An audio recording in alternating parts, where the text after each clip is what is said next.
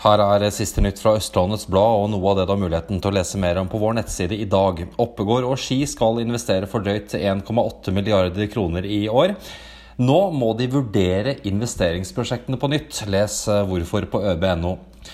Modtex har gjenåpnet skobutikken sin i Parkaksen i Ski. Nå håper jeg faste og nye kunder finner frem til meg igjen, sier innehaveren til ØB i dag.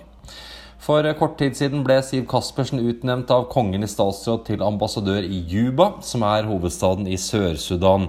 Vi har tatt en prat med den tidligere varaordføreren i Oppegård i dag. Syv selskaper kjemper om å få pusse opp Ustvedt bru.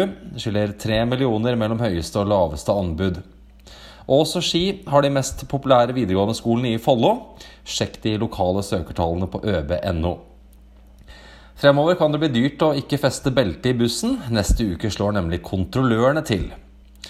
Du kan også lese om hva som blir skjebnen til grendehuset i Oppegård syd. Det skal i hvert fall drøftes på årsmøtet til Oppegård Vel den 18. mars. Stopp islamiseringen av Norge får holde stand i Ski sentrum lørdag den 11. mai.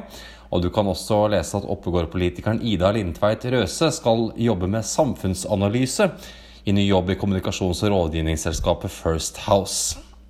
Til slutt sport. Follo HK-jentene feide flint av banen på hjemmebane. Vi fulgte kampen tett, og du kan lese alt om både den og herrekampen mot Vålerenga på øb.no.